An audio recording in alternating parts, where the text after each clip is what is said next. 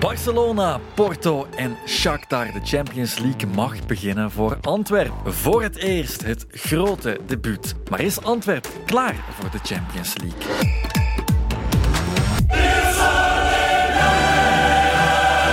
Ja, dit is de hemel voor de Antwerp supporters. De Champions League hymne zal straks voor het eerst te horen zijn voor 2600 gelukkigen die ticketje gescoord hebben voor de wedstrijd tussen Barcelona en Antwerpen. Niet in Camp Nou, wel in het Olympisch Stadion.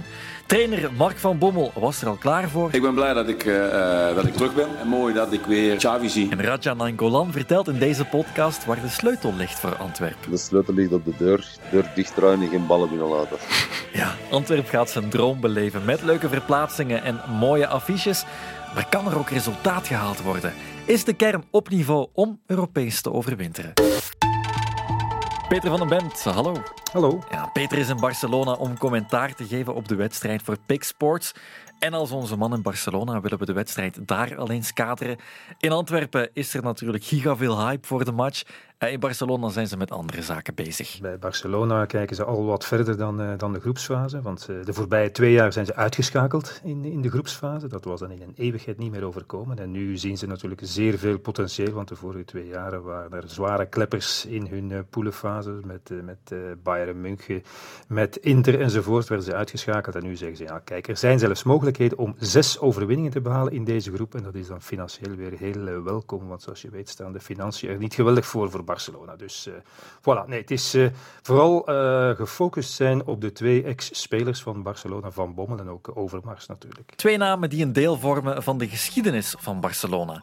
Trainer Mark Van Bommel speelde één jaartje voor Barcelona. Busca el pase para Eto'o, la llegada de Van Bommel, el gol para el Barça. En won ook de Champions League in dat jaar. Sportief directeur Mark Overmars, die maakte er het mooie weer tussen 2000 en 2004. Balon que le cae a Overmars, gol. Gol de Mark Overmars. Marcó el segundo el Barça. En Van Bommel was dan ook populair bij de Spaanse journalisten. Uh, heel veel Spaanse vragen, want in principe zo'n persconferentie uh, van, van een club zoals Antwerpen of Club Brugge of Anderlecht op, op bezoek bij een grootheid.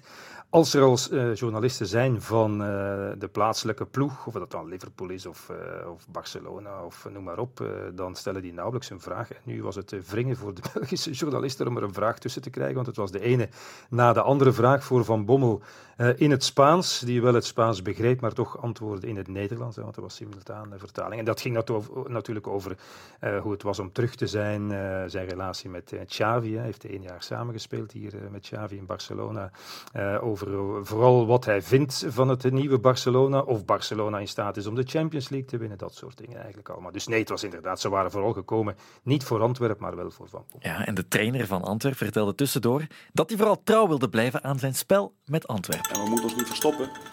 En dat kunnen wij ook niet. Wij kunnen de bus niet parkeren. Wij krijgen weliswaar weinig goals tegen in de competitie.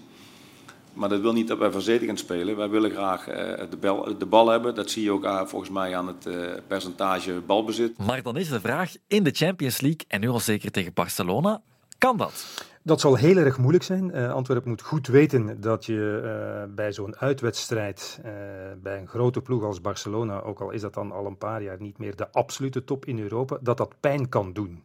En dat kan pijn doen op het veld en dat kan ook pijn doen op het scorebord na afloop van de wedstrijd. Uh, zo ongeveer alle Belgische clubs die al eens in de, in de moderne Champions League hebben gespeeld, tot en met Anderlecht dat de tweede ronde heeft gehaald, lang geleden.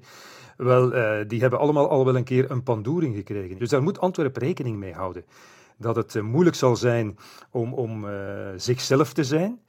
Mark van Bommel zei, ja, wij kunnen de bus niet parkeren, dus dat gaan we ook niet doen. Nu, dat spreek ik een klein beetje tegen, want als het moet, dan kunnen ze de bus wel parkeren, zoals in die tweede helft thuis tegen AEK Athene met z'n tienen. Zijn ze gewoon in de eigen rechthoek gaan staan. Dat lukt nog wel tegen AEK Athene, maar dus, kijk, het zal voor Antwerpen zaak zijn om veel te lopen, om dicht bij elkaar te blijven en om die paar momenten die er uh, zullen komen, om die te benutten. Dat is eigenlijk waar Antwerpen voor staat. En, en, en het, uh, het, kan alle kanten uit. Het zou een uh, mirakel zijn, denk ik, als Antwerpen hier een, een overwinning behaalt. Zelfs een gelijkspel. Maar het komt erop aan om, om een goede beurt te maken. En, en ik denk dat niemand Antwerpen met de vinger zal wijzen als hij straks met de nederlaag terugkeert. De verhoudingen staan zwart op wit geschreven. Antwerpen moet leren bij zijn Champions League debuut en moet ook genieten. Dan moeten we bij Rajan Angolan zijn. Nainggolan, die gaat trappen. Nainggolan, wat een goal van Raja Nainggolan. Maar gewoon dat Antwerpen in de Champions League zit, is voor mij al... Allee, ik denk dat dat voor iedereen al op zich uh, iets heel bijzonder is. Hè. Dat doet er niet toe waar gespeeld. Ik heb wel een paar goede affiches.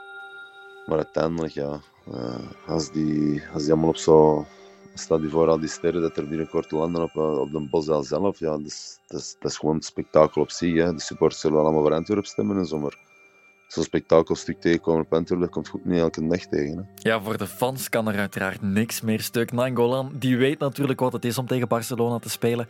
Met Roma won hij in 2018 met 3-0 van de Catalanen. Ja, ik heb die terugwedstrijd ook met een uh, 5 centimeter spierschermantje gespeeld. Uh, dat kan erbij zijn, hè. maar na die match was ik om weg te gooien. Hè. Ninjas kunnen dat. Als er één woord is dat nooit in het woordenboek van Rajan Nangolan gestaan heeft, dan is dat wel zenuwachtig. Maar het is nog maar de vraag hoe het jonge middenveld van Antwerp zich recht houdt. De ruwe diamanten Arthur Vermeeren en Mandela Keita moeten veel gewicht dragen en spelen met wat druk. Zeker Vermeeren wordt het hof gemaakt door Barcelona en werd in de Spaanse krant Marca zomaar even geleken met drie verschillende Barça-legenden. Andres Iniesta, Sergio Busquets en Xavi. Maar het wordt heel erg interessant. Ik moet zeggen, uh, uh, de lef hebben ze er zeker voor. Het zelfvertrouwen hebben ze er ook zeker voor. En ze hebben in bepaalde wedstrijden waar de druk heel erg groot was, ik denk dan in de, in de play-offs van, van de Belgische competitie, ik denk ook aan die terugwedstrijd Do or Die in Athene, in toch broeierige omstandigheden, wel, daar hebben ze al getoond dat ze het hoofd koel kunnen houden.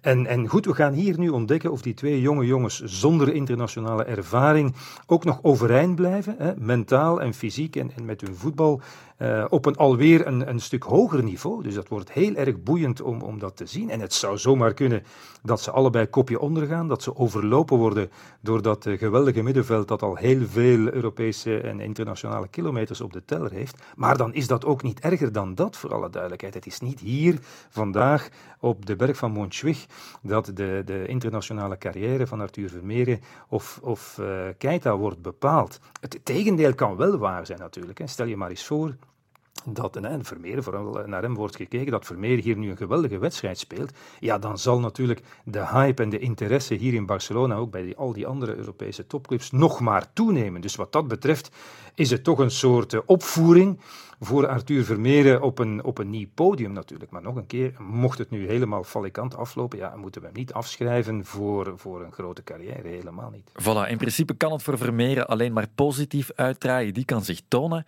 Antwerp kan zich zetten in Barcelona vandaag. Maar in de VS heeft Antwerpen het niet gemaakt. En dat heeft natuurlijk alles te maken met de vergeten inschrijving van linksachter Sam Vines. Disappointing, I think, is a very soft adjective to describe what's going on with Sam Vines.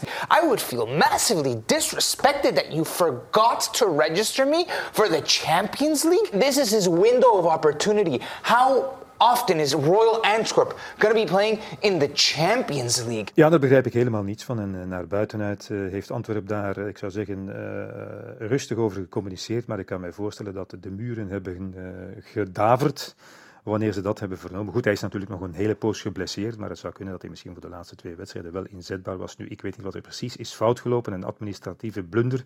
En ik weet niet precies hoe dat gaat, maar je moet vinkjes zetten achter spelers, herinner ik mij, vanuit de, de Ajax-saga, waar ze daar ook eens een speler uh, de nieuwe spits, wiens naam ik nu even vergeet. Uh, Aller. Ja, Aller, inderdaad, die niet op de lijst stond. En er moest ergens een vinkje gezet worden. En dat waren ze dan vergeten. Dus het zal iets vergelijkbaars zijn, denk ik. Dus uh, ja, dat zou natuurlijk niet mogen. Dat dat is verschrikkelijk voor de speler zelf. Maar iets, iets minder voor Antwerpen nu misschien, omdat wat ik zei, hij toch nog een hele poos geblesseerd is. Maar ja, dat behoort dan misschien tot de groeipijnen uh, van, van de club. Want het gaat natuurlijk ongelooflijk snel. Een jaar of zes, zeven geleden zaten ze nog in de, in de tweede klasse in 1B. En nu staan ze eh, in de Champions League. Sam Vines zal er niet bij zijn, zal geen deel uitmaken van de Antwerpse verdediging. Uh, de linie die toch wel het meest aan het werken stelt, zal worden, mogen we denken. Daar heb je uiteraard Toby Alderweireld lopen als grote leider, maar verder is het toch vooral nog wat onzeker. Wat ze uh, vorig jaar heel erg vaak konden, was een 1-0 voorsprong gewoon vasthouden. 1-0 was winnen eigenlijk, en dat was simpel voor Antwerpen. Dat is dit seizoen vooralsnog heel erg weinig gebleken. Alleen op Westerlo hebben ze dat dan kunnen echt omzetten in een overwinning. En nog een keer, Antwerpen Heeft natuurlijk uh, het voorbije jaar, sinds Van Bommel is gekomen, nog geen ploeg van dit niveau in de ogen gekeken. Dus wat dat betreft is het ook een ontdekkingsreis natuurlijk. Het is een stap hoger en, en, en het elftal dat is, uh, is gekneed door Mark van Bommel dat een echte ploeg is, eh, dat een duidelijk spelconcept heeft waar, eh, waarin iedereen weet wat van hem verwacht wordt. Een ploeg met, eh, die, die fysieke power heeft, die het allemaal kan belopen. Wel, die wordt hier nu op een totaal nieuwe testbank gelegd. Zo simpel is het. Ja, Lewandowski en Joao Felix, dat is nog wat anders dan Stassin en Frigon van Westerlo. Gert Verheijen speelde met Club Brugge twee keer tegen Barcelona en kreeg aan tafel bij extra time de daver alweer een beetje op het lijf. Als je daar naartoe gaat, allez, dat is toch wel een beetje met schrik ook. Allee, vond mij, ja. Je bent toch bang van er een stuk of zeven te krijgen. Altijd. Ik treed uh, Gert helemaal bij. Dat kan gebeuren. Dat kan echt gebeuren als die machine gaat draaien en je laat het een klein beetje lopen omdat je uh, bij de rust al, al 2 of 3-0 achter staat. En ze spelen door, ja, dan krijg je ze niet geteld. Nog eens, dat, dat behoort tot de mogelijkheden. En, en uh, we zijn in België een beetje geneigd om nu de lat te leggen daar waar Club Brugge die vorig jaar heeft gelegd. En we denken dan, ah, een Belgische ploeg komt nu vanaf nu altijd in aanmerking voor een plek in de achtste finales van de Champions League. Wel, dat is dagdromen. je moet nog eens goed kijken naar de manier waarop Club Brugge dat voor elkaar heeft gekregen. Uitstekend, maar ook met meeval, met, met een uh, buitenaardse prestatie, een paar van die buitenaardse prestaties van Simon Mignolet. En dus vanzelfsprekend is dat niet. Daar is het. En daar is... Oh, Mignolet! Een! Misschien kan Jean Buté zich wel op dezelfde manier tonen. Topkeeper natuurlijk ook. En Raja Nangolan heeft er goede hoop in. En weet ook hoe een goede doelman je redding kan betekenen. We speelt tegen Atletico Madrid. Mm. Ik denk dat we, eh, het is al zo lang geleden. Hadden we een doelman, Alisson, die van Liverpool. Een dag en dag. Ja, die redde daar... Wij kregen daar een, 20 schoten op doel of zo. En hij redde alles. Dus ja, als Buté vandaag is een, zijn eh, beste dag van zijn, zijn leven is, ja, dat weet er nooit wat je de bus kunt halen. Hè. Maar gezien is de doelman de laatste man waar je moet rekenen, omdat er zo weinig mogelijk doelgevaar zou moeten komen. Ik denk, als een ploeg als Barça moet je gewoon met eigen kwaliteiten spelen en iedereen moet wel echt wel 100% gefocust zijn. Wilt je een klein kansje maken op een slechte match van Barça hopen ook. Ja, het mirakel van Barcelona, waarom ook niet? Het is een topploeg, dat zeker. En ze zijn ook zeker weer aan de betere hand onder Xavi. Barcelona versloeg Real Betis zo net met 5-0. Maar Peter zag ook wel dat het niet allemaal perfect was. Daar moet ik nu wel bij zeggen uh, ik had eerst de, de uh, verslagen gelezen van de wedstrijd van Barcelona tegen Real Betis en ik dacht, amai, dat moet nogal eens wat geweest zijn. Xavi had ook gezegd, dit is de beste wedstrijd die we gespeeld hebben sinds ik hier trainer was, maar ik heb er dan zondag eens naar gekeken. Ja, echt geweldig onder de indruk was ik niet, eerlijk gezegd. En dat ze achterin kwetsbaar zijn, wel, dat is ook duidelijk gebleken. Barcelona heeft vorig jaar zijn, zijn uh, eerste titel in vijf jaar, was het denk ik gewonnen door een zeer stevige organisatie. Beetje zoals Antwerpen zou je kunnen zeggen, vaak met één doelpuntje verschil wel, nu als Antwerp uh, bij de les is, gaan ze gewoon kansen krijgen om doelpunten te maken, zoals het voor Betis ook het geval was. En dan komt het erop aan om die natuurlijk af te maken. Dus om nu te zeggen, Barcelona is uh, alweer een kandidaat-winnaar voor de Champions League. Ja, dat zou ik op basis van die wedstrijd van, van vorige zaterdag, en ook die tegen Osasuna overigens, nog niet durven zeggen. Dus wat dat betreft is dit nog niet het Barcelona waar je naartoe reist en, bang bent voor een uh, historische pandoer. Er liggen ook kansen voor Antwerp. Van Bommel wil dan wel uitgaan van het eigen spel, maar het zal tegen Barcelona en ook tegen Porto wel meer dan eens op de counter moeten gebeuren. Vincent Janssen is dan niet de snelle spits, maar wel een belangrijke schakel. Nee, maar hij is wel de spits die je met een lange bal kan aanspelen. En dat deed hij geweldig nog eens op het veld van Westerlo, weliswaar Westerlo. Maar uh, bijhouden. En dan uh, zijn er wel uh, een aantal snelle jongens rond hem natuurlijk. Hè, met, met ja, noem maar Balikwisha of Kerk of Moeja. Of, of jongens die vanuit de tweede lijn komen, Ekkelenkamp. Dus Antwerp kan zeker counteren. Ja, absoluut wel. En, en nog een keer, achterin bij Barcelona staat echt wel veel kwaliteit. Maar dat is ook veel kwaliteit, uh, om Cancelo en Baldini te noemen, dat, dat graag vooruit voetbalt. En dat graag uh, uh, aanvalt in plaats van te verdedigen. Dus, dus daar zijn zekere mogelijkheden voor Antwerpen om dat te doen. En, en Jansen moet je dan natuurlijk niet uh, de diepte insturen, maar kan wel de relais zijn waarbij de anderen kunnen gaan, gaan lopen en in de rugduiken van de Barcelona-defensie. Dat heeft Betis een paar keer uitstekend gedaan. En als die beter hadden afgewerkt, ja, dan had de, minstens de score er toch anders uitgezien dan die 5-0 die er nu stond. De tactische les van Peter van den Bemt. Goed overwinteren in de Champions League, dat dat kan, heeft Club Brugge vorig jaar nog bewezen.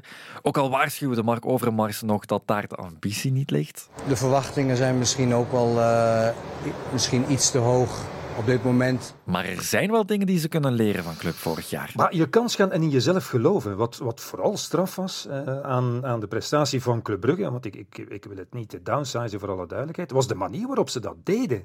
Niet uh, wat Van Bommel aangaf, uh, de bus parkeren, maar gewoon frank en vrij voetballen, aanvallen, met lef vooruit, druk zetten.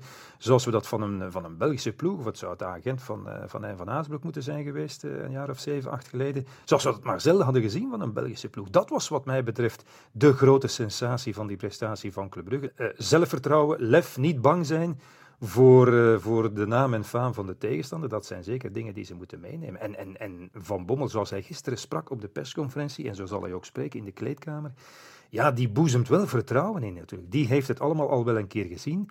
En dat is dan anders dan vorig jaar met, met Karel Hoefkes. Hoewel dit uitstekend heeft gedaan, zeg ik nog een keer. Ja, zo de factor van Bommel, de factor Overmars ook wel. Ja, dat kan toch zijn rol spelen om dat jonge, onervaren elftal, waarbij er nauwelijks al iemand in de Champions League heeft gevoetbald op een paar spelers na, uh, uh, rustig te houden. Cijferbureau Gracenote geeft ze amper 15% kans om naar de achtste finales te gaan. Maar Europees overwinteren richting Europa League dan, door derde te worden in de groep, dat kan wel volgens Peter. Om de tweede ronde te halen in de Champions League, maar geen 15, als ik eerlijk moet zijn, dus minder. Uh, om te overleven in de Europa League een vrij grote kans, eerlijk gezegd, tegen Shakhtar Donetsk. Het, het goede Antwerp, denk ik dat, uh, dat boven uh, Shakhtar moet kunnen eindigen. als ze boven Porto eindigen, hebben ze mij hoogelijk verbaasd, eerlijk gezegd. maar goed, dat hebben ze het voorbije jaar al wel een paar keer gedaan, dus wie weet. En dan kan er veel. Antwerp begint zijn eerste Champions League-avontuur in Barcelona. Niet in Camp Nou, wel op Montjuïc. Het zal genieten, de jonge talenten zullen leren en Antwerp zal de wereld kennis willen laten maken met hun voetbalmerk. En is er dan ook meer mogelijk? Ja, misschien. Derde plaats moet lukken. Champions League voetbal is terug. En wij morgen ook voor een nieuwe Sportstrategie.